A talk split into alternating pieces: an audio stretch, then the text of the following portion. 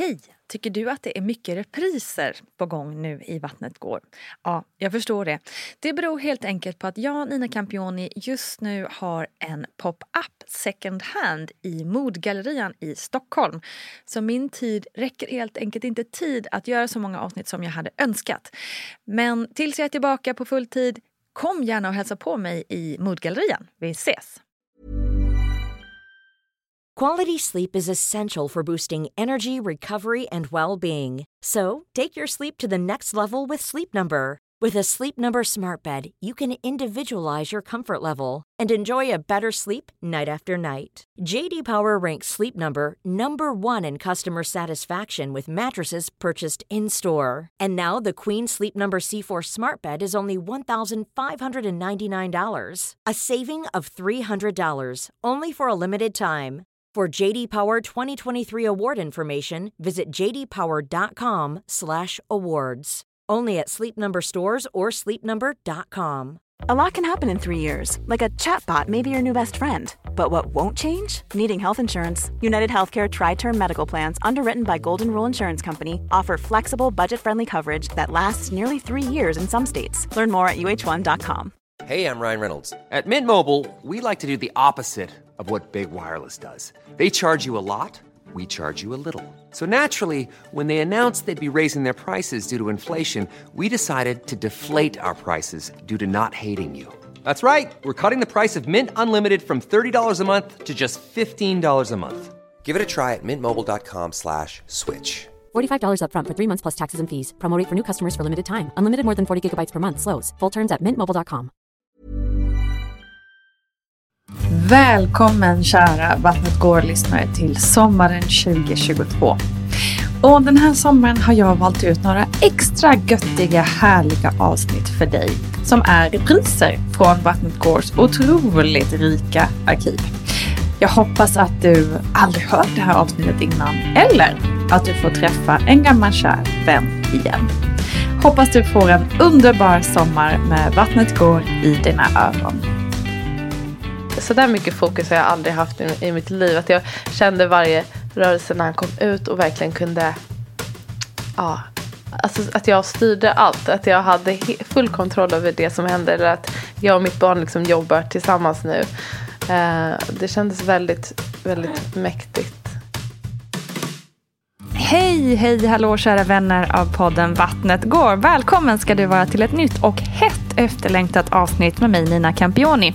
Här pratar vi graviditet och förlossningar och är det någon gäst som ni önskat er höra ända sedan hon födde sin andra son är barnmorskan och instaprofilen Asavia Britton. Och ja, ni är ju inte ensamma om det. Även jag har ju lite försiktigt tjatat på Asavia att när du väl känner dig redo så snälla kan du komma till podden. Och sicken tur, det ville hon. Och nu är hon här för att berätta om en otrolig förlossning som blev exakt precis som hon själv hade önskat den. Och det är väl målet för oss alla någonstans. Och jag tror att vi alla kan lära oss en hel del av den här berättelsen. Oavsett hur vi själva väljer att föda så tror jag att man tjänar på att dyka djupt ner i sig själv och ta reda på vad just jag behöver för att känna mig trygg och hur jag vill föda mitt barn. Men det krävs ju också en förlossningsvård som känns trygg och säker, eller hur? Och just det har Asabia och hennes kollegor från bland annat Födelsehuset eh, Föda med stöd och Föda lugnt tagit fasta på och startat en namninsamling som avslutas idag faktiskt, den 12 oktober, då det här avsnittet släpps. Uppropet syftar till att få en förlossningsvård där alla får lika stor chans till en trygg och bra förlossningsupplevelse.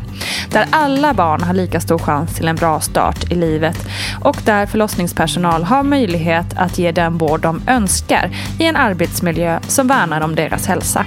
För idag är de regionala skillnaderna för stora och valmöjligheterna för få och arbetsvillkoren för dåliga. Så skriv på uppropet genast. Det behövs verkligen en förändring. Jag har skrivit på, gör du det också. Gå in på mitt skifte och sök på Asabia Britton så hittar du namninsamlingen direkt.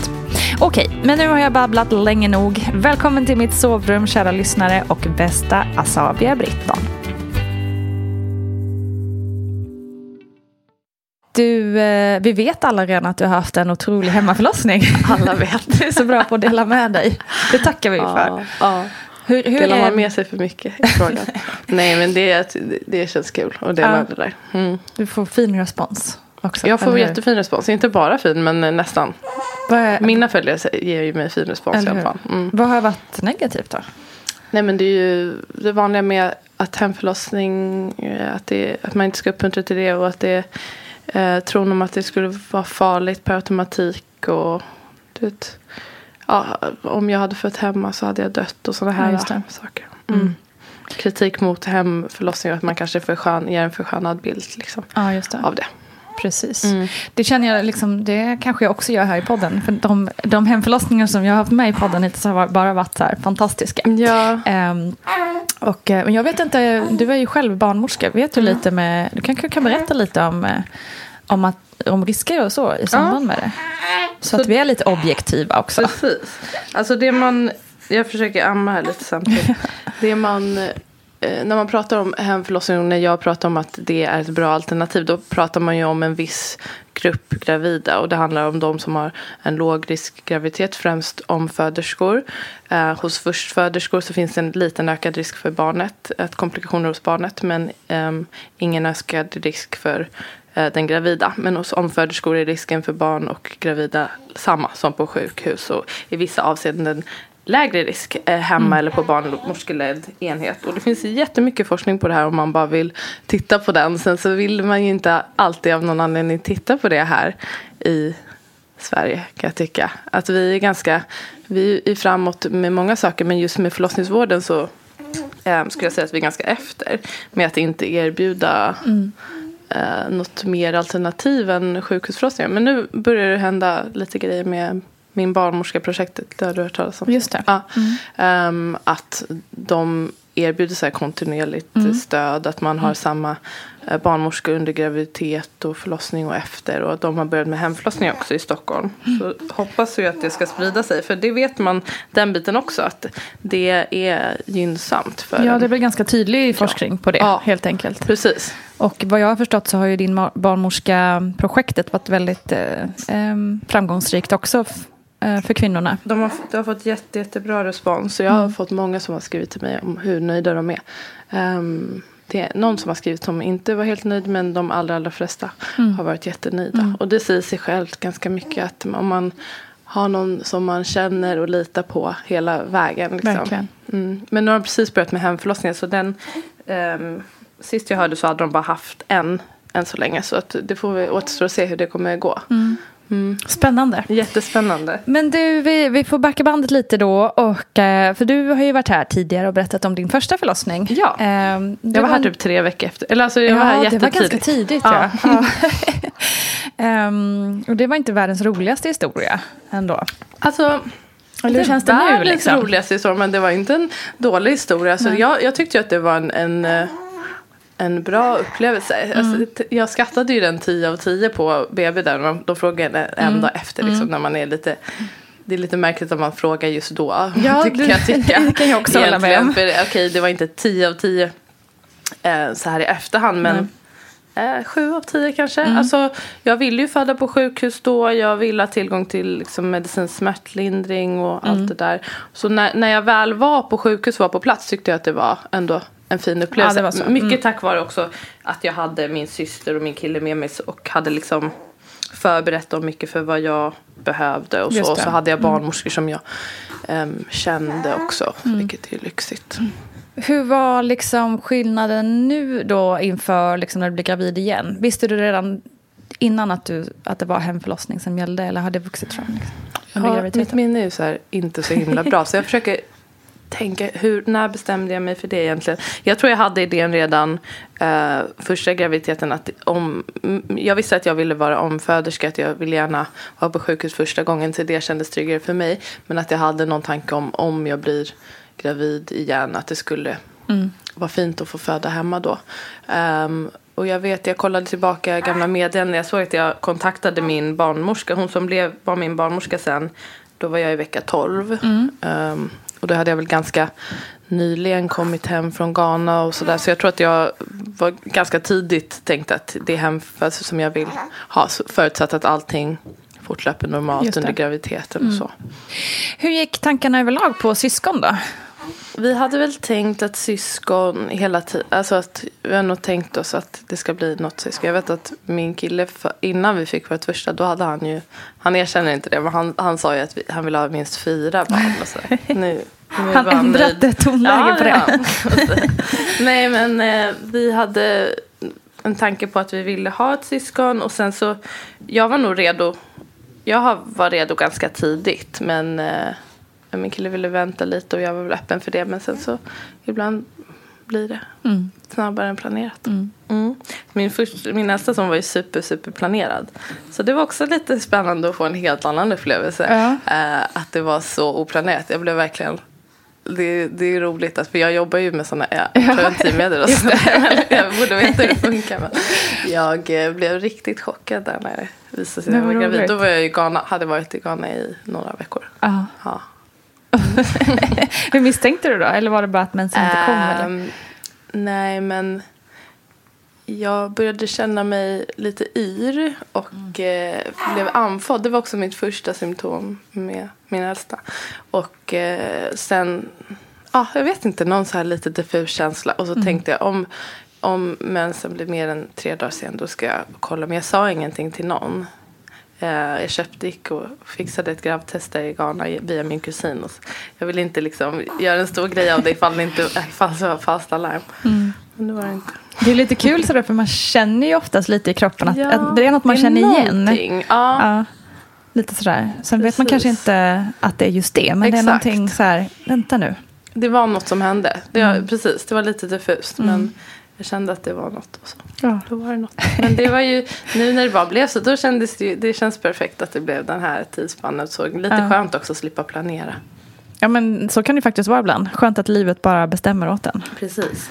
Men var det här, chockartad glädje eller var det chockartat bara chockartat? Jag blev väldigt, jag blev väldigt eh, glad. mm, när jag gick och sa det till min kille då blev han väl också glad. Men chock, alltså han blev Mm. chockad först. För jag var bara så här, ja, ja, vi hade verkligen inte, det, det var inte på kartan. Nej. Mm. Eh, nej men det var glädje. Det, att, eh, jag tror han kände samma. Att det var skönt att slippa ta beslutet Mm. egentligen. Utan nu blev det så här och det blev jättebra.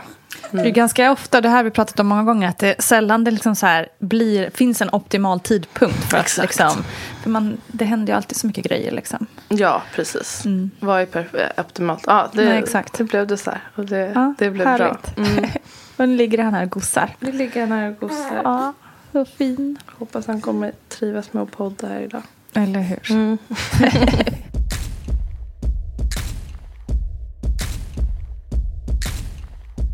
Okej, men hur mådde du som gravid då? Hur var det att vara i, liksom, var det varmt då också kanske i Ghana? rejält Det var varmt kanske? faktiskt, ja, det är ju jättevarmt där och fuktigt och så.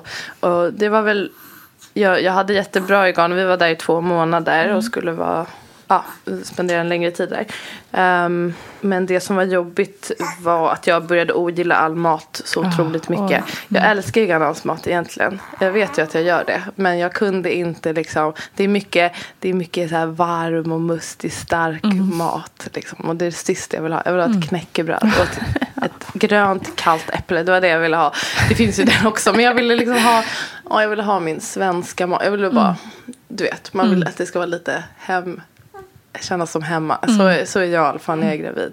Och längtade också nå hem lite mer än vad jag hade annars. Jag vill bara, man vill så här boa in sig. Och mådde ganska illa och det är så här värme och avgaser. Just det. Men Ja. det är också så här, nu var ju inte du sjuk så, men det är klart illamående och Mm. liksom, yrsel och andfåddhet. Så här, ja, mm, bara man är iväg någonstans och är sjuk Ja, så vill man ju precis. bara vara Man hemma bara i vara sin hemma. säng. Liksom. Mm. Men överlag var det ändå bra. Alltså, jag, det var också bra att jag spelade in och delade med mig. För jag, man glömmer ju bort, som vi sa innan vi började spela in. Ehm, jag mådde ju inte så psykiskt bra nu när jag tänker på. Alltså, att jag var ganska deppig och kände mig låg och som att jag inte kunde glädjas åt eh, riktigt graviditeten. Det här var liksom efter ett tag, inte precis när jag kissade på stickan men efter några veckor in.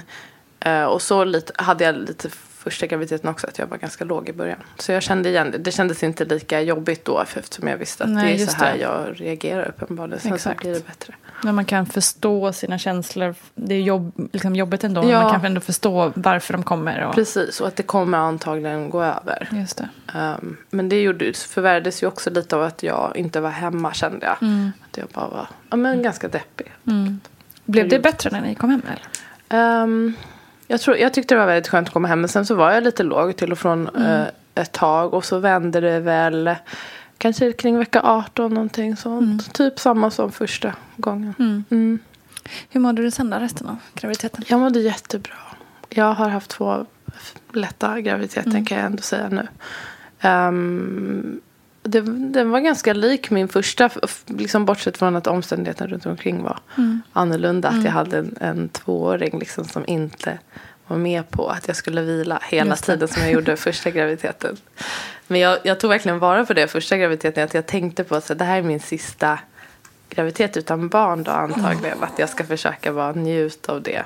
Men ehm, Gud vad bra, för det är inte alla som eh, tänker det tänker steget. så. Nej men jag var så här, åh tänk att jag får bara ligga här och ta sovmorgon. Att det är typ är Så slut på det. Ja det är så lyxigt. Nej men jag, min kille hjälpte ju till mycket och så. Jag får, fick ju ta sovmorgon ehm, och så. Men eh, jag, eh, det var väl inga, det var där i början lite så här illamående, lite depp. Mm. Men inte alls något, det var, det var hanterbart. Ehm, och sen, eh, jag kommer inte ihåg. Jag, tycker, jag gillar ju, jag är en sån här person som tycker om att vara gravid. Mm. Men sen nu när jag inte är gravid då kommer jag ändå på att det är väldigt nice att inte vara gravid också. jag, faktiskt, jag saknar det liksom inte nu. Nej. Utan, men eh, det var, det var helt eh, komplikationsfritt. Just Skönt. därför också jag var en perfekt kandidat på att föda hemma. Exakt, which jag. Mm. leads us to. Hur gick det då? med- Nu måste jag bara säga att han har helt däckat här, gullisen. Perfekt. Så himla, alltså, sovande bebisar. Jösses. Det är någonting. Det har något. Kan du berätta lite om ehm, ja, men hur det funkar rent? Liksom? Du kan ju både mm, den gravida sidan och barnmorskesidan. Liksom, Hur det funkar att att liksom styra upp en hemmaförlossning. Mm. Det ska ju dels, eftersom att man i Sverige inte erbjuder ehm, det, eh, liksom fritt i land. Nu erbjuds det i Stockholm för omföderskor som sagt. Men annars är det ju någonting man måste ta tag i helt själv.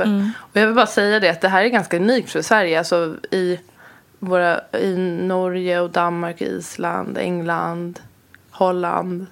Ja, liksom liknande, Tyskland, liknande länder. Så då, då är ju, det finns ju liksom en etablerad hemförlossningsvård som man inte behöver bekosta själv. Så Sverige är lite unikt där. Det är rätt, alltså, varför har det blivit så? Vet du det? Ja, det är så. För det känns som att vi liksom går tillbaka lite. Alltså, det har ju funnits barnmorskeledda enheter, alltså Södra BB som lades ner.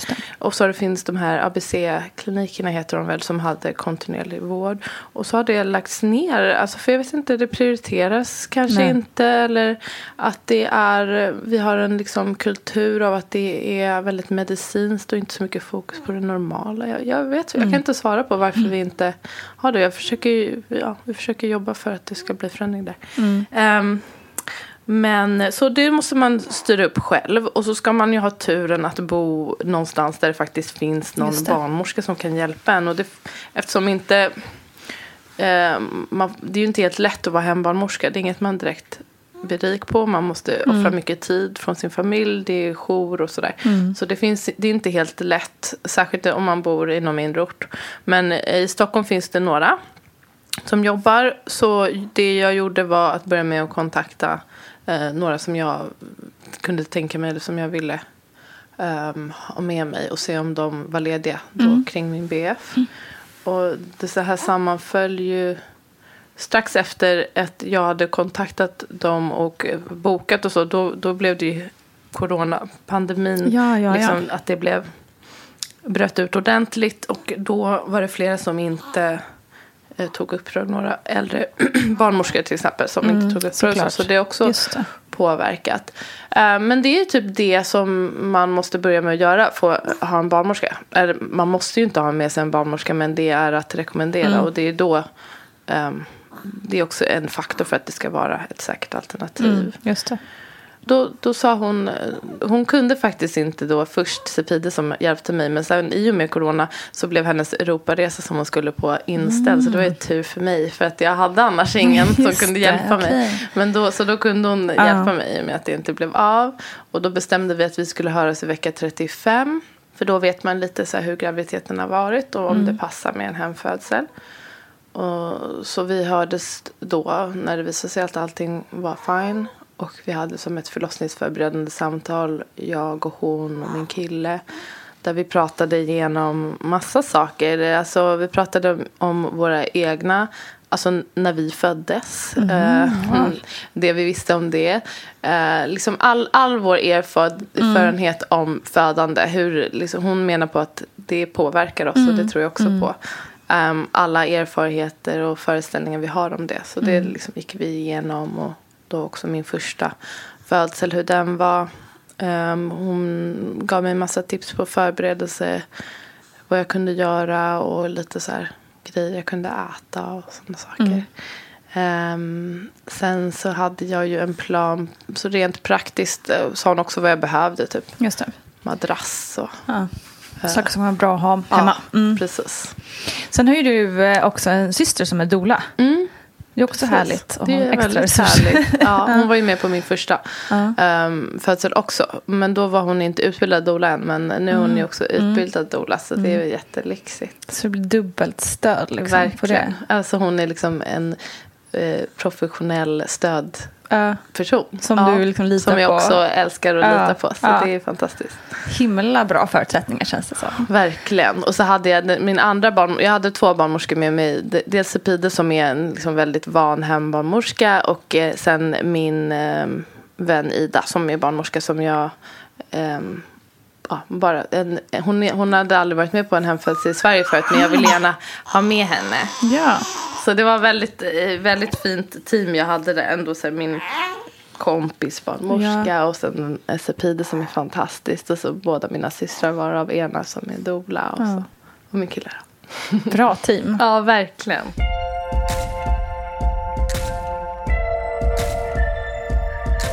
Men du, jag tänkte prata lite om det här med corona också där. För att ehm, det är ju också lite speciellt såklart att vara gravid under en sån period. Hur upplevde du det med liksom olika liksom, besök på, inom vården och så?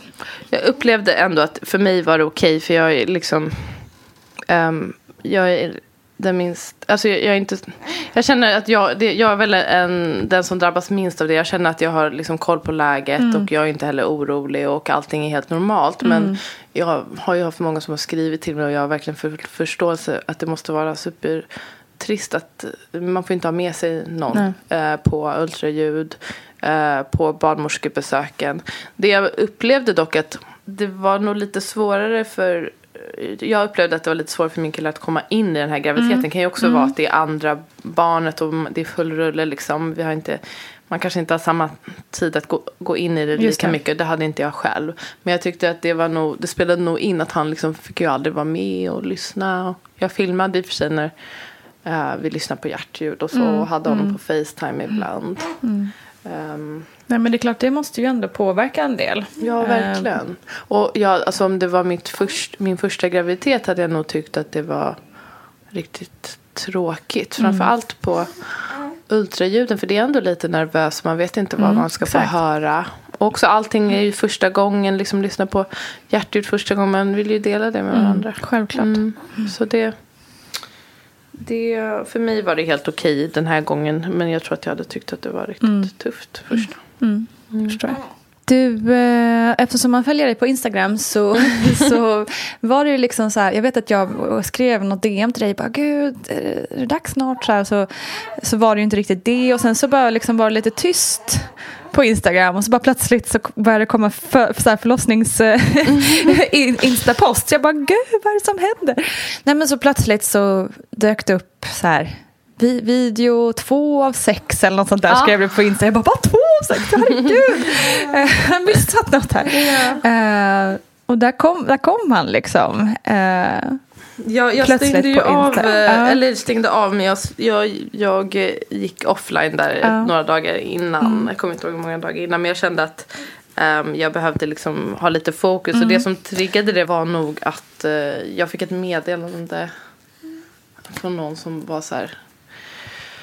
Att hon var så orolig inför min förlossning. Att, jag, att hon var så orolig för att jag skulle föda hemma. Och eh, hur, om, jag tror att hon ska, om jag är så rädd typ att du eller barnet ska dö. Eller Nej, vad sånt där. Jag bara gud. så här, nej men gud, jag kan inte ta Oj, in sådana här saker. nej. Jag känner mig inte orolig. Eh, jag, men det är svårt att inte, att inte ta in sådana där kommentarer ändå. Och ta in andras rädslor. Mm. Och jag ville verkligen inte göra det. Ehm, så, och jag också bara att ja, fokusera på att Mm. nu ska jag föda barn snart. Så jag gick offline och sen så gick jag online igen efter, eh, precis efter när jag hade skrivit min förlossningsberättelse Mm. och delade den då.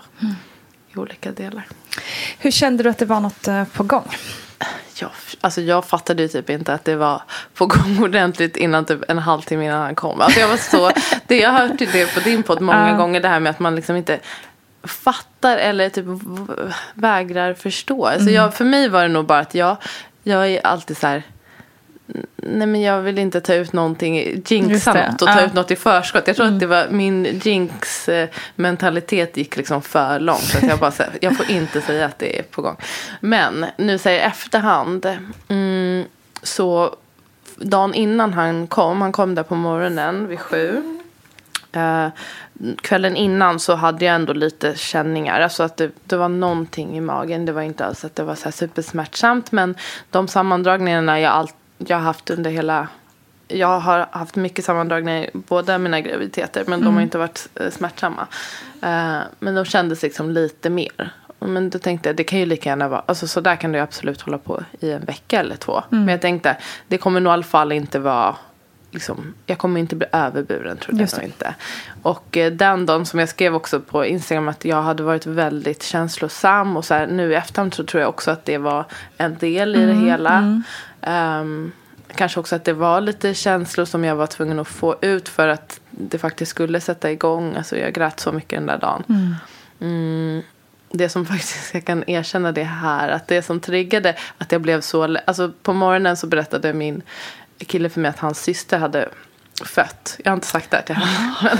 Hon var beräknad två veckor efter mig. Och du vet att man kan ju bli Okej, ja, lite, eh, inte helt rationell liksom när man är eh, typ några dagar efter man är beräknad. Så jag blev så, har hänt. Ja, jag bara, du skojar. Hon har fött. Jag bara, alla, alla Precis. fött förutom Exakt jag. Och du vet det, hela exakt det här jag inte skulle. Alltså jag hade ju verkligen jobbat med att inte fokusera på BF och jag nämnde knappt datumet och sådär. Men ändå så blev Mm. jag så ledsen. Jag började liksom gråta av det och sen så, så gick det till någon spiral av så här.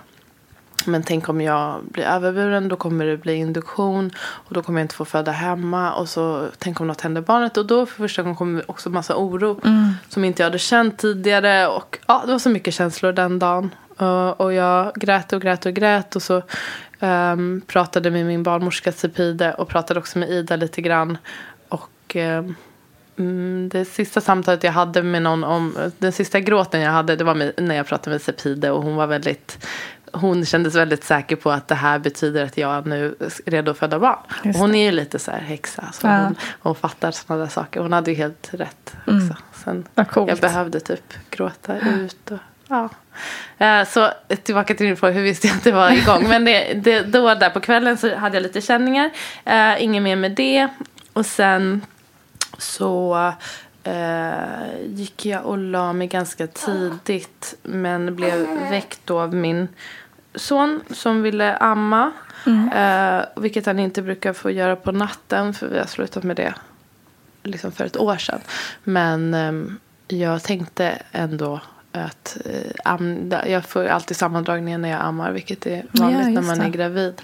Jag tänkte att det kanske kan göra lite effekt. För nu vill jag gärna föda. Mm, och så eh, blev det också. Alltså det, han fick verkligen igång. Det hade väl kommit igång av sig själv. Men det var det som triggade igång det. Att jag märkte att när han ammade att nu gör det liksom ont. Och eh, att det var ett- så pass att jag fick sluta. Jag, det gick inte att amma där efter ett tag för det gjorde för ont. Och eh, efter det så, så slutade de inte heller. Märkte jag att det liksom fortsatte. Det. Och så kom det ganska tätt. Och så eh, liksom Ja, att det var, de var så täta, de var alltså högst hanterbara.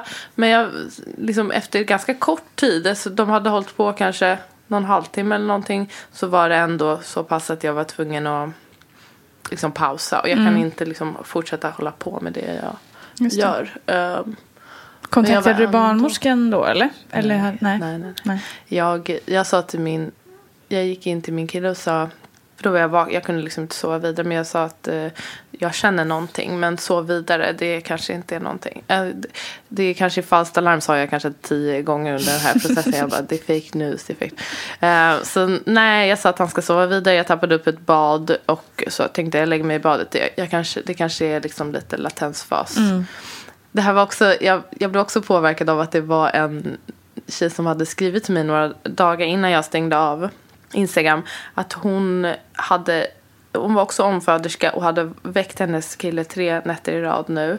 Och sagt att nu är det, dags. Ja, så hon bara, jag mår skit. Alltså jag kan inte väcka honom nu om det blir det så här verkligen igen. händer. Bara, jag fattar inte för det, de känns så starka och jag borde veta. Och jag bara tänkte att ja, det är säkert så också. Att det här kanske inte är något. Särskilt för jag hade så himla lång latensfas förra gången. Ehm, så jag satte mig, la mig i badet. Och eh, där ehm, blev det liksom, det blev tätare och tätare. Och att jag kände ändå att det här är ju troligen någonting. Så jag, jag messade då eh, min vän Cassandra som skulle fota. För jag tänkte ändå, mm, det här vill jag ändå, det här är ju ändå, no, det här är ändå en- del av födseln. Även om det kanske inte blir några barn idag tänkte jag. Så henne ehm, ringde jag och sa att hon kunde komma nu. Ehm, och typ tio minuter senare så ringde jag också till mina systrar och sa ändå att alltså, det är bra om ni kommer för nu är jag ganska ont. Och, sen, och det, i samma veva mässade jag till mina barnmorskor och sa bara att för de hade sagt mässa mm, vid minsta lilla känning. det. Det. behöver inte vara liksom igång igång för de vet att det kan gå fort. Eh, Så jag mässade och sa bara att jag, har, jag känner lite men de är inte så täta och de är inte så starka så um, typ så vidare. Men sen så efter ett tag då så ringde jag dem. Och då Vad var klockan när du skrev det ungefär? Kommer du ihåg? Ja, jag hade, vad var klockan när jag skrev det? Då kanske det var fyra tiden. Ja. Eller något. Jag födde 07.25. Det är inte på gången, det är lugnt. Nej men jag bara, det är typ inget. Ja. Um, Tur att du bor i stan ändå. Liksom, men, ja, men, ja, jag fattar inte.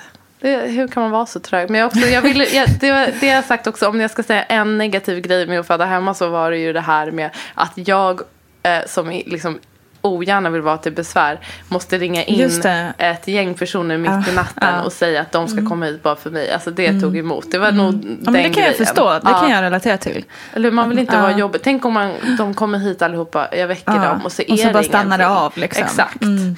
Så, det var, så jag tror kanske om, jag hade, om det var ett sjukhus jag skulle till då kanske jag hade åkt dit tidigare än vad jag ringde till min barnmorska.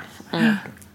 Men jag tänker också det är nog lite befriande för andra, i alla fall för mig, att höra att du ändå som är barnmorska Mm. och liksom andragångsföderska, att liksom även du kan känna de här grejerna Ja. som vi är många som Mm. känner igen oss i tror jag.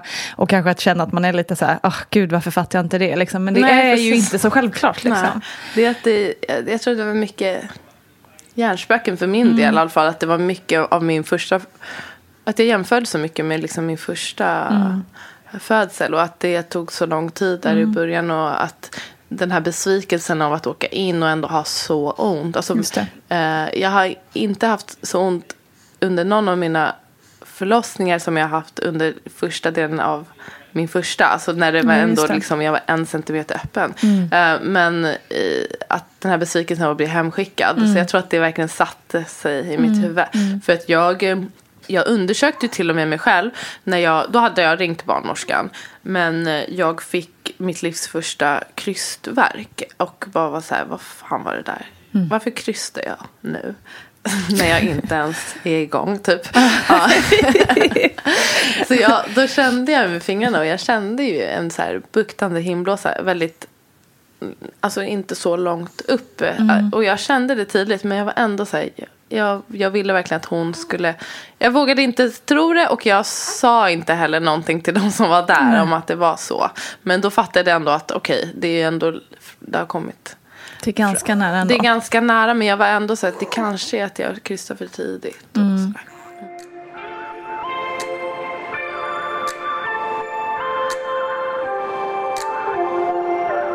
Men när liksom kände du att nu får jag nog verkligen säga till min barnmorska att de faktiskt Ja. kanske ska komma? Jag ringde väl någon timme eller innan, eller en timme eller två innan. Jag kommer faktiskt inte ihåg. Kanske två timmar innan.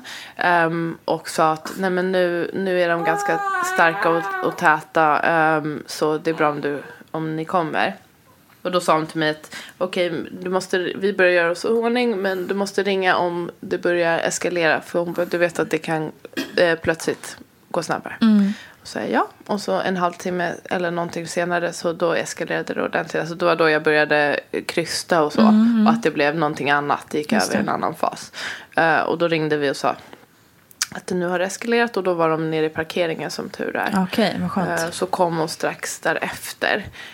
Ehm, och då, då var min kille och min ena syrra ute i vardagsrummet och höll på med förlossningspoolen som jag till slut då sa att de kunde blåsa upp. För det här var också så här att jag, jag han frågade mig flera gånger, ska jag blåsa upp poolen? Så jag, nej, alltså det var också så stor grej, liksom. tänk om det inte är någonting. Ehm, så vi väntade ju alldeles för länge med det. Så när, när, de när Speedy kom så sa hon ehm, till dem att sluta. För hon hörde, hon hörde ju hur jag lät Ja. där inne i badrummet också. Att jag eh, hade krystvärkar. Så de, så att vi, Vilken tur att hon hann komma fram ändå. mm, jag hade klarat det själv också. Ja, det hade men, du men Det det, var, såg det var man ju, ändå tur. Jag tror att jag också eh, liksom, säkert väntade in henne skönt, på ett sätt. liksom. Men det är jätteskönt att hon Mentalt var där. Ja, skönt, tänker jag. Mm. Verkligen. Ja. Eh, det var jätteskönt att hon kom. Så hon, ja, hon kom väl någon eller hon kanske kom en timme innan. Jag har svårt med tidsbegreppet. Hon kanske kom typ, jag tror hon kom vid halv sju och jag födde 20 över. Mm. Och Det här var också att min son skulle ju, han skulle också ta sig hemifrån.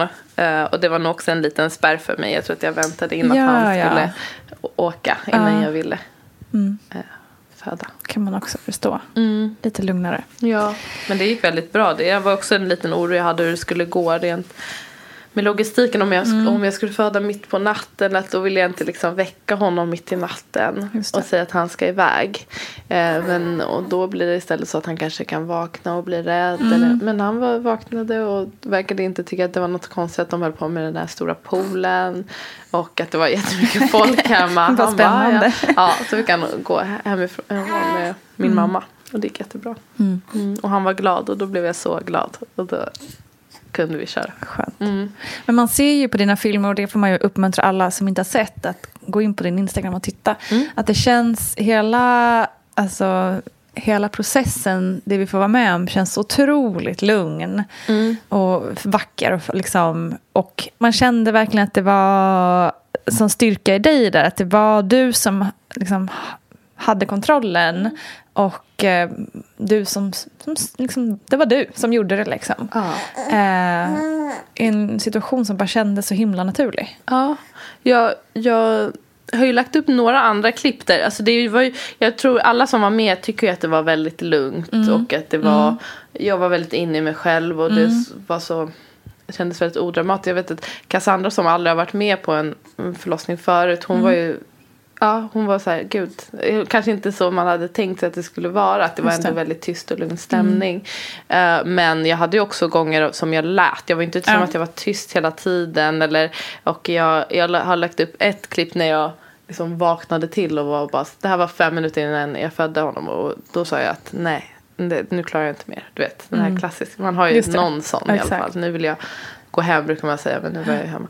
Ehm, men, men överlag, ja, det var väldigt lugnt och, och harmoniskt och precis det jag hade velat. Jag tror anledningen till att de som vill föda hemma vill nog också oftast göra det just för att man vill ha- den här kontrollen, att man vill styra över sin egen födsel. Och det kan, det kan man ju göra på ett sätt på sjukhus också, men det kan vara lite svårare eftersom ja, det inte ens domän, det är, man kommer in till någon annans, eh, där någon annan styr. Liksom. Ja, men precis.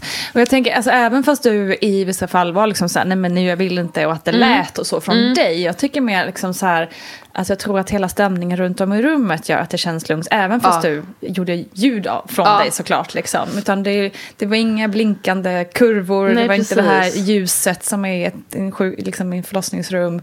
Det är inte det här ja, men stöket, om man Ja, säger. precis. Som absolut kan vara tr- jättebetryggande för väldigt många naturligtvis. Mm. Eh, men att se liksom, i, ditt, e- liksom, i där du känner dig som tryggast. Ja, precis. Liksom. Jag nämner bara det där med att jag lät och så bara för att det Mm. är vissa som verkar ha, alltså att man är så här, åh, att man nästan Att det typ inte gjorde ont ens. Ja, liksom. precis. Eller att det inte var svårt. Eller att det var så, så, det var det ju absolut. Ehm, men det var inte. Det, det är klart att man får låta och sådär. Eh, Ja. Den där sista delen, då var jag ju väldigt tyst och fokuserad. Men ehm, ja, alltså det var precis som jag ville i det här att det var så lugn stämning och att alla de var så tysta, de som var där, för de också litade på det jag gjorde och det var som en ostörd process. Så det var ju det jag ville åt, att det skulle vara ostört. Alltså inga, att man inte var där och pillade om det inte var absolut nödvändigt. Jag var väldigt sugen på att se vad min kropp eh, kunde göra helt själv. Liksom. Det var det Sepide sa till mig flera gånger att jag liksom inte ska känna att jag ska inte prestera någonting. Det enda jag ska göra är att vara helt passiv. Din kropp ska föda det. Och det var så jag försökte tänka och det var liksom så det blev. Det är väldigt eh, stärkande att vara i ett rum fullt med personer som verkligen litar på det jag gör och låter det hända. Ja, det var fantastiskt. Så på ett sätt var det också bra att vi inte blev poolen tänker jag. Även fast det hade varit skönt. Men att vi var i det där mörka rummet. Ja, att det det, var är det helt också som- nedsläckt. ja. Att jag fick tända mina ljus. Och, så det är ju fördelaktigt för att liksom ehm, att ja, komma ner i varv Mm, och ha lugnt. När kände du att liksom, nu jäklar. Nu kommer han. Eh, nej men när, när Sepide kom då frågade hon ju mig Vill du att jag undersöker?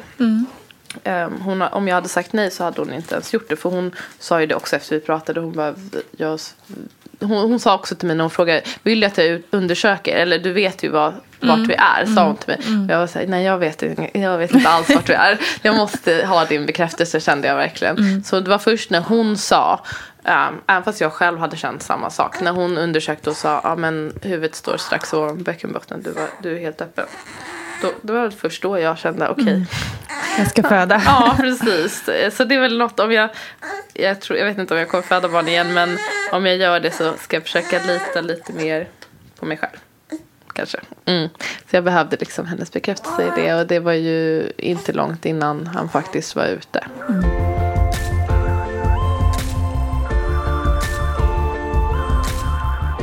Och då eh, drog det igång liksom, hur var, hur var krystvärkningen? För just eh, som vi var inne på innan det här med det lugna och så, så, Ja. så blev du ju väldigt liksom, tyst och fokuserad där känns det som.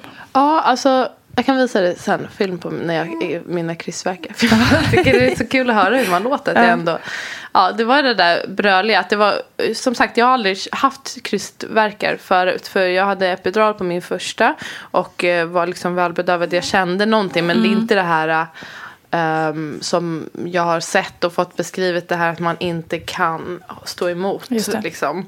Ehm, så det var, det kom plötsligt som ett läte ur mig ehm, som jag liksom aldrig har hört förut. Och jag kände att nu, det var verkligen så att nu gör min kropp någonting. För jag, jag, det där tvingade jag inte på eller ja, Det det bara bara, kom. hände någonting. Ja. Du vet, där. Ja. Eh, och då gick det över från att vara en typ av smärta till något annat. Mm. Och jag upplevde det som också så himla skönt att eh, trycka bort den här sista smärtan Mm. I verken. Och jag hade krystvärkar ganska länge ändå. Um, någon timme skulle jag säga. Mm. Som jag höll på. Och, men då, jag, till skillnad från kanske eh, hur man kan bli ombedd att göra ibland att man ska liksom trycka med i hela verken och så. Så när man följer sin egen kropp så är det oftast så att man bara krystar. Man bara trycker på i slutet av verken och då blir det inte heller ja, lite, lika påfrestande för barnet och kroppen. Alltså man behöver inte utnyttja hela verken om man har starka um, krystvärkar. Och jag, jag tror att jag som sagt också väntade på att min son skulle eh, lämna innan jag liksom vågade släppa och eh, låta det hända. Så kanske var därför det var, höll på länge. Men var det jobbigt att det höll på så länge? Eller? Nej, jag hade liksom ingen, ingen direkt tidsuppfattning där. Men, och det, och min barnmorska sa ganska tidigt upplevde jag ändå att hon sa ehm, nu vill jag inte att du trycker på alls om det går utan eh, låt bara liksom livmodern jobba. Eh, tryck inte på. Och då, jag sa, ja, det vet jag inte om jag kommer kunna göra. Alltså, det är verkligen lättare sagt än gjort att Ja. inte trycka på. Eh, så jag klarade liksom inte riktigt det. Men jag gjorde det kanske, tryckte lite mindre än vad jag hade velat. Mm. Men också när hon sa det, att nu ska du inte trycka mer. Då förstod jag också att det var, då är det betyder att det är ganska nära. För då ville hon ju skydda mina vävnader och så. Ja, så höll jag på där och kryssade ett tag. Och jag frågade, som sagt jag hade någon, mm, någon tillfälle där jag liksom vaknade upp och öppnade mina ögon för första gången på flera, flera timmar. Eh, och bara, vad är det som händer? Jag, jag frågade, jag har ett klipp på det också, jag har delat det i story. Eh, där jag frågar mm, hur långt är det kvar och så här, det här typ skakar på huvudet och bara så här, nej det här är så sjukt. Vad, vad, är det som, vad gör jag? Och sa att jag, jag orkar inte mer, orkar inte mer, orkar inte mer. Och då sa jag, säger de att jag du orkar och det är så nära. Och då var det ju väldigt nära. Det var 07.20 står det och han är ju född fem minuter senare. Så det var, det var väl första gången som jag kände att här, nu får det vara nog. Mm. Då klarade jag Tur att det inte lite var så mycket mer. Nej, det var inte så mycket mer. Eh, och sen, jo, det, en grej som hon sa till mig eh, vid ett tillfälle var att känn med fingrarna. Eh, själv, alltså jag liksom förde upp två fingrar och kände hans huvud. Så att jag skulle själv känna kraften i verkarna utan att jag, att jag tryckte på. Alltså att jag skulle känna Ja, vad som hände. Ut, att jag inte behövde Ja, liksom, det trycka. något i alla Ja, fall. att det hände något i alla fall. Och det var jättebra för mig och för min motivation. Eh, Och det kan jag verkligen rekommendera om man... Det kan ju också kännas kanske svårt i ett sammanhang om man inte... Jag vet inte, det blir så ganska intimt att Mm. undersöka sig själv. Men eh, om man eh, vågar det så kan jag varmt rekommendera det. Att man känner själv liksom vad som händer. För att bli lite motiverad och Mm. Också kunna styra. Så jag höll så alltså länge, jag höll så säkert någon halvtimme och kände då verkligen hur han kom ner längre och längre, Mm. längre ner. Tills att jag kände att han var liksom, nu är huvudet i genomskärning och nu måste jag verkligen eh, andas och inte trycka alls. Eh, och så höll jag ju på hans huvud där hela tiden tills han, tills han kom ut helt enkelt. Jag kände varje liten grej. Det var så häftigt. Det var verkligen det jag ville. Jag ville bara... Det är, inte, det är verkligen inte för alla. Vi säger så här, varför vill man föda utan någon medicinsk smärtlindring när det finns? Och eh, det är inte för alla. Men för, för min del, dels att jag ville slippa liksom de komplikationer som kan komma med det. Men mest att jag var så nyfiken på bara hur, hur det skulle kännas helt enkelt. Och eh, ja, jag, jag tyckte att det var väldigt häftigt. Ja, hur kändes det? Eh, det är ju... Ja, hur känns det?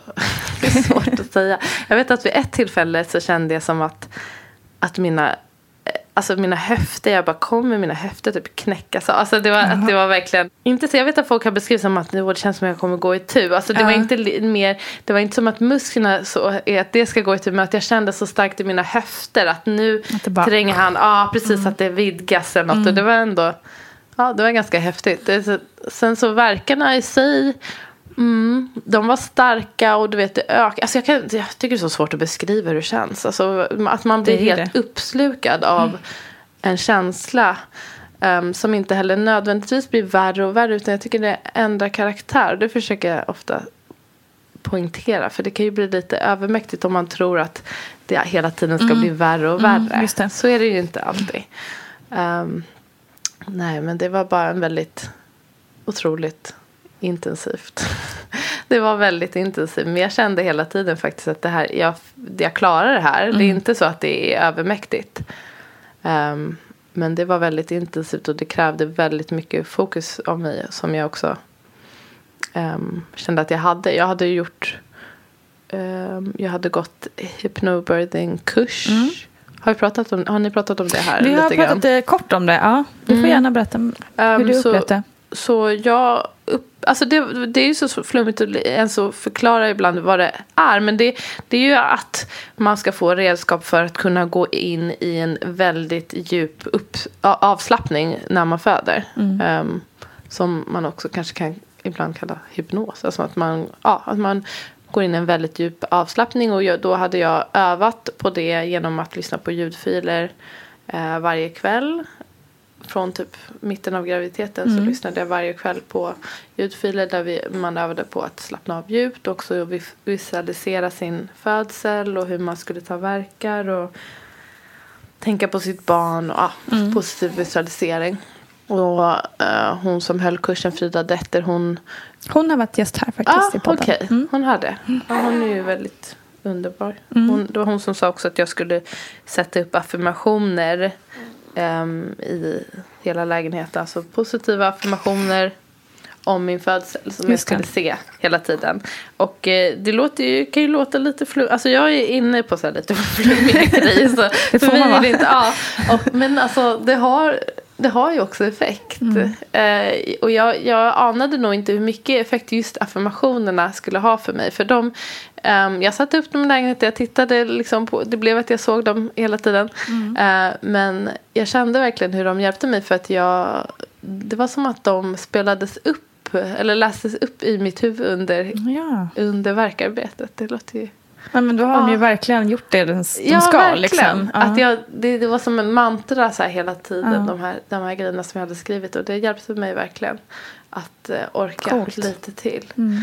Eh, också den här djupa avslappningen. Och hon gav mig också ett bra tips. i Att, hon sa att jag inte skulle vänta eh, tills det var liksom väldigt intensivt med att gå in i den här avslappningen. Utan eh, så fort jag har lite ont att försöka om möjligt avskärma mig och eh, slappna av så att det inte blir överrumplad. För då är det svårare Mm, det. att slappna av. Så det, jag hade det i åtanke även, därför jag la mig i badet även när jag Mm. ändå tyckte att det var liksom helt okej.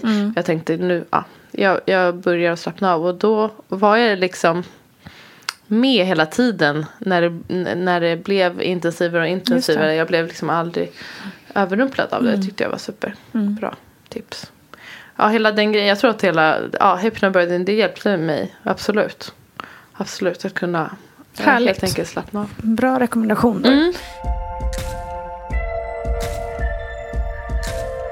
Men sen, jag tänker också, hur var det liksom att, för du, du plockar ju upp honom själv, eller säger man plockar upp? Ta emot Ta honom emot kanske. honom säger man, det är ett bättre ord. Men jag plockade upp honom. Ja. Hur var det? jag. Eh, det var ju också något jag hade önskat mig. Att eh, dels föda i vatten och att få ta emot honom själv. Mm. Och det var, det var ju underbart. Jag Mm. hade liksom bara sett det på andra göra det. Och så Mm. fick jag göra det själv. Att jag kände i den, den stunden där på slutet. Då kände jag verkligen. Så där mycket fokus har jag aldrig haft i, i mitt liv. Att jag kände varje rörelse när han kom ut. Och verkligen kunde ja, alltså att jag styrde allt. Att jag hade he- full kontroll över det som hände. Eller att jag och mitt barn liksom jobbar tillsammans nu.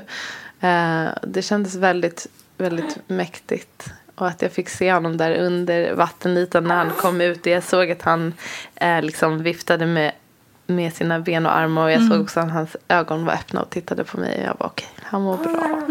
Jag, jag tvivlade inte på att han mådde bra hela tiden. Men det var så fint att se också. Ja.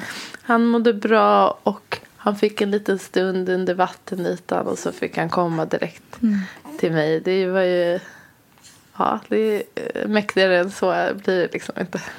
Nej, helt otroligt. Ja, det var helt otroligt.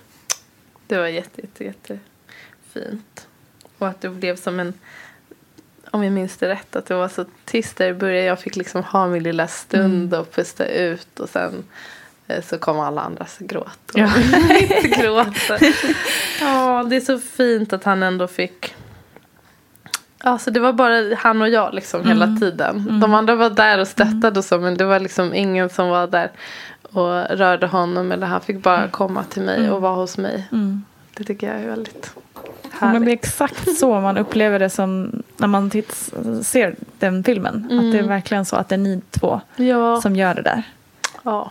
Det är underbart. Jag kan också, när man pratar smärta, alltså ehm, den här biten, den delen som man ser, alltså det, den biten är absolut inte den mest smärtsamma tycker jag. Jag tror att om man inte har fött barn tidigare då tror jag man ofta föreställer sig den som värst. Mm, och det är ja, vissa som det. kanske tycker det. Men jag skulle säga att de flesta tycker nog verkarbetet är det värsta. Nej, men samma. Ja, Verkligen. och även, Stor skillnad. Där upplevde jag också vattnet var nog eh, väldigt smärtlindrande. För jag Mm. kände inte, okej jag kände det här ring of fire lite grann. Men det var inte ens, Alltså det var, det var helt okej. Eh, Det var ju mer verkarna som gör ont. Så därför också kände att det var helt okej att ta det långsamt. Ja, men jag håller helt med. Så har jag också upplevt det. Och Ring of Fire också så här, ja just det, det var det där ja. Ja. Men det var inte... Det är inte att jämföra kanske nej, med. Precis, men det är väl det man, är, det man, har, man tänker att det är det mest dramatiska, att Ja. ungen ska ut. Och man bara, det, det, det där stora ur mitt lilla Exakt. liksom. Man bara, ga! Exakt. Men precis. Och jag tror också om man inte har upplevt verka förut. Det är så svårt att föreställa sig. Jag kan ju inte ens förklara hur det känns. Nej, det är Men eh, ehm, den, där, den där känslan att något ska komma ut ur ens vagina. Det kanske man kan föreställa sig. Att man Mm, tänker precis. Mm. att det måste ju göra synont. Ja. Nej, men det, den biten gjorde faktiskt inte så superont. Det kanske är någon tröst för någon. Ja, nej men det var, och så, och så det jag kände också precis när han var ute att är det mi, alltså nu, det blev, jag fick min dröm. Alltså nu har jag fått det här som jag har längtat och visualiserat och jag har sett målbilder och så blev det liksom precis så. Otroligt. Ja, otroligt. Ja. Otroligt. Men det jag försöker också trycka på att det är inte bara tur. Är, jag har ju Exakt. också bra förutsättningar för det såklart. Jag är frisk och allting och så. Men jag eh, liksom förberedde mig väldigt mycket mentalt. Och liksom med stöd, personer och allting runt omkring mig för att det skulle bli det här. Att jag försökte verkligen ta kontroll över min upplevelse och göra de förutsättningar som jag ville ha. Så det är inte enbart, enbart tur. Nej, men precis. Du liksom gjorde din läxa och du liksom gjorde de förberedelser man kan. Ja. Jag tror att många som önskar att föda hemma, då, man förbereder sig också väldigt mycket. Det är inget lättvindigt beslut Nej. sådär. Utan det, det, man gör det ju också för att man kanske vill eh, inte vill lämna över kontrollen till någon annan. Så det kan man ju vilja. Som först, när jag födde första gången då ville jag gärna. Det som, Jag ville vara på sjukhus. Jag ville liksom lämna över det här till er. Nu får ni hjälpa mig med det här. Men den här gången kände jag att jag ehm, jag ville göra det själv helt enkelt. Jag ville inte lämna över eh, kontrollen till någon annan och jag ville se om jag och min kropp kan sköta det här. Och försökte förbereda, förbereda mig bäst jag kunde för att det skulle bli så. Mm. Och en stor del av det är verkligen att ha också personer som gör mig trygg. Ja, men precis. mig. Och det är ju ett tips, tänker jag överlag. Ja. lag, Just, kanske inte just nu i coronatider då, men Nej, det är det. ehm, i övrigt så är ju det, man behöver inte, eller man måste ju inte begränsa sig till ehm, bara den födande fadern. Eller liksom, Exakt. Som eh, partner, så. eller liksom det, det är ju lite också kulturellt där att man, det är inte så vanligt att man har med sig någon Mm. Nej. extra. Men jag tycker verkligen man kan överväga idén och fundera på varför. Alltså, jag, jag tror att en anledning till att man inte vill ha med sig något ex, någon extra person att det upplevs som något så intimt. Mm. Och det är det ju förstås. Men det tar ju inte ifrån det intima att man har med någon mer. Och det kan också vara ibland kanske en känsla från partner att, att så här, förminska deras roll som att Just de det. inte behövs. Så, Just så det. är det ju Mm. verkligen inte. Nej. En doula till exempel kan ju aldrig ta platsen av en partner. Men man kan däremot hjälpa partnern att liksom Mm. vara ett ännu bättre stöd kanske. Och också vara en stöd för den personen. Så, och även nu i corona, jag vet att det är regionala skillnader. Men i Stockholm så får man ju ha med sig en extra stödperson på de flesta ställen nu. Så det rekommenderar jag varmt. Eller hur?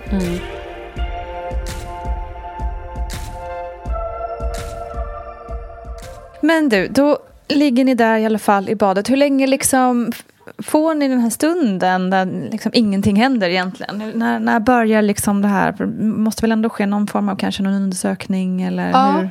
Vad vi, händer? Vi ligger där i badet och som sagt tidsuppfattningen är inte så superbra. Men jag upplever ändå att jag fick ha, verkligen ha en stund där jag bara fick pusta ut och Mm. titta på honom och liksom landa lite. Och sen efter ett tag så ehm, kom det en liten blödning och då kan man ju ana att eh, det är moderkakan som Mm. börjar lossna. Ehm, så då eh, kände de efter eh, om det var så att den är redo att komma ut. Och det här var väl, jag, jag- vet faktiskt inte hur långt efter, kanske var en kvart efter eller någonting. Och de tog ut den i badkaret då. Ja, att jag kände ändå, Mm. alltså vi fattade att den hade lossnat och jag eh, tryckte på lite grann och så kom den ut. Mm. Så jag kanske var i badet 20, kvart, 20 minuter efter. Kan ha helt fel. Kan vara för... tidsmässigt ja, jag vet inte. Men det var ing- i alla fall ingen stress, Det var ingen stress, alls. Utan, utan jag hade nog trott faktiskt. Jag, har, jag vet att jag tror på sjukhus så, så vill man ta ut moderkakan ehm, utanför för att kunna bedöma blödningsmängd. Mm, men så gjorde inte vi i alla fall. Eh, utan så när den var uttagen så ställde jag mig upp och fick hjälp med att lägga den i en påse. Den var de klipper inte navelsträngen förrän ehm, Alltså de väntade två timmar. Vi gjorde det vid efterskötningen. Eh, så vi gick med den med en påse och eh, min syster och min kille hjälpte mig em, till soffan som de hade förberett med madrasser och lakan och sådär.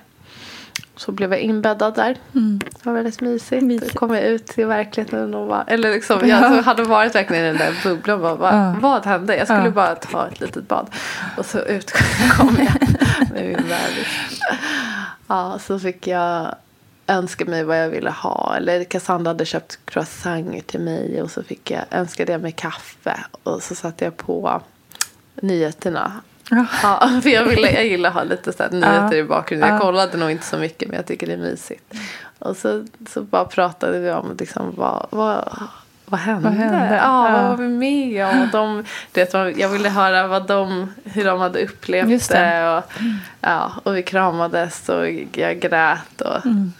Så. Men bara det är ju häftigt att ha flera med. Att man liksom får andra infallsvinklar. För som, Ja. som sagt, själv det blir ju lite dimmigt. Liksom. Ja, verkligen. Eh, och då har haft andra som varit med och kan berätta är ju fantastiskt. Ja, och just i den här, nu är det lite unik situation då med att vara hemma och det var lite så praktiska grejer. Det, var, det kändes som alla hade sin roll och det var ju bra att vi var många just att det blev lite strul med poolen, att den, eh, de hjälptes åt med den och jag hade ändå folk med mig och de varvade lite med att så här, hålla på och klappa på mig och hämta dricka och ja, det var många som, jag tyckte ändå alla, alla behövdes på sitt sätt. Ehm, men så, så mina barnmorskor de gick ut på balkongen. Men det var en varm solig dag. De gick ut på balkongen och skrev journal. eh, Ett ganska bra tag. Och min syrra, hon, min dola syster Opokoa, hon började laga mat till oss alla. Först gjorde hon som en liten förrätt med skagen och någon god grej. Så Gud, vad lyxigt. ja, det var jättelyxigt. Eh, och så, så hade hon förberett långt innan vad hon skulle laga. En, en kycklingramen uh, måltid till oss alla. Mm. Så, som de åt alla vid bordet och jag åt i soffan.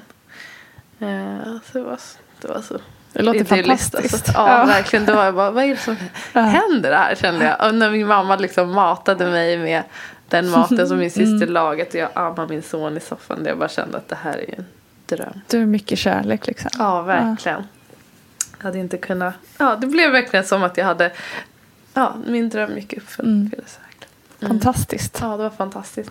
Och så två timmar efter då så. Eh, så klippte de navelsträngen. Och. Eh, eller min kille klippte den och sen fick, gjorde vi efterskötning och de, de vägde honom men hon Sepide, i och med att jag är barnmorska så sa hon att du kan göra resten och det var Mm, också så just det. fint att jag fick göra det. Mm. Ehm, att det var verkligen så här att det, eh, han var bara min Mm. bebis. Det är inte någon annans vårdens bebis eller så. Så det var väldigt fint att få göra den första efterskötningen tycker jag på honom. Det förstår jag. Och ehm, Kan man säga någonting Ja. om det här med eh, så här sen avnavelning som man säger? Vad är det som är bra med det? ehm, man har ju sett att det har ehm, det är fördelaktigt att ge det här blodet som ehm, finns i navelsträngen och eh, att ge det till barnet för deras järnvärde bland annat. Ehm, och på sjukhus, jag tror på de flesta eller om inte alla sjukhus i Sverige så har man riktlinjer numera att man ska praktisera sen avnavling och det innebär att man eh, ska vänta minst tre minuter. Så det är inte så här, alltså, Nej, det är inte jättelång tid. länge. Men eh, jag tror många också väntar tills den slutar pulsera. Mm. Eller att vissa väntar till och med tills man ser att den är tom och vit. Mm, Ehm, så att barnet ska få den här blodmängden som kan vara väldigt värdefull för den. Inte minst om, om den blir sjuk eller Just så. det. Och eh, man håller på med studier nu i Malmö. Den har pausats nu på grund av corona tyvärr. Men en studie där de kollar om mm, om man kan göra upplivningsförsök med navelsträngen intakt. För det finns ju studier som har visats att det, det är jättegynnsamt för barnet att liksom inte klippa navelsträngen och gå iväg till ett annat rum och ge Mm. just det. livräddande åtgärder utan att man tar utrustningen till rummet och navelsträngen får vara intakt. Det makes sense ju Mm, ändå. ja, för det är ju verkligen. syrerikt blod och Verkligen. den, den andas ju liksom genom den. Så de håller på med det. Ja, spännande. Hoppas att det ska sprida sig. Mm. Man behöver inte vänta nödvändigtvis två timmar men det handlar också om att dels då kan man ju försäkra sig om att den har fått allt blod men också att inte störa och hålla på så mycket utan att ge de här första Mm. timmarna till att eh, den som har fött och barnet får kontakt med varandra, inte störa den första amningen, inte störa den här första Mm.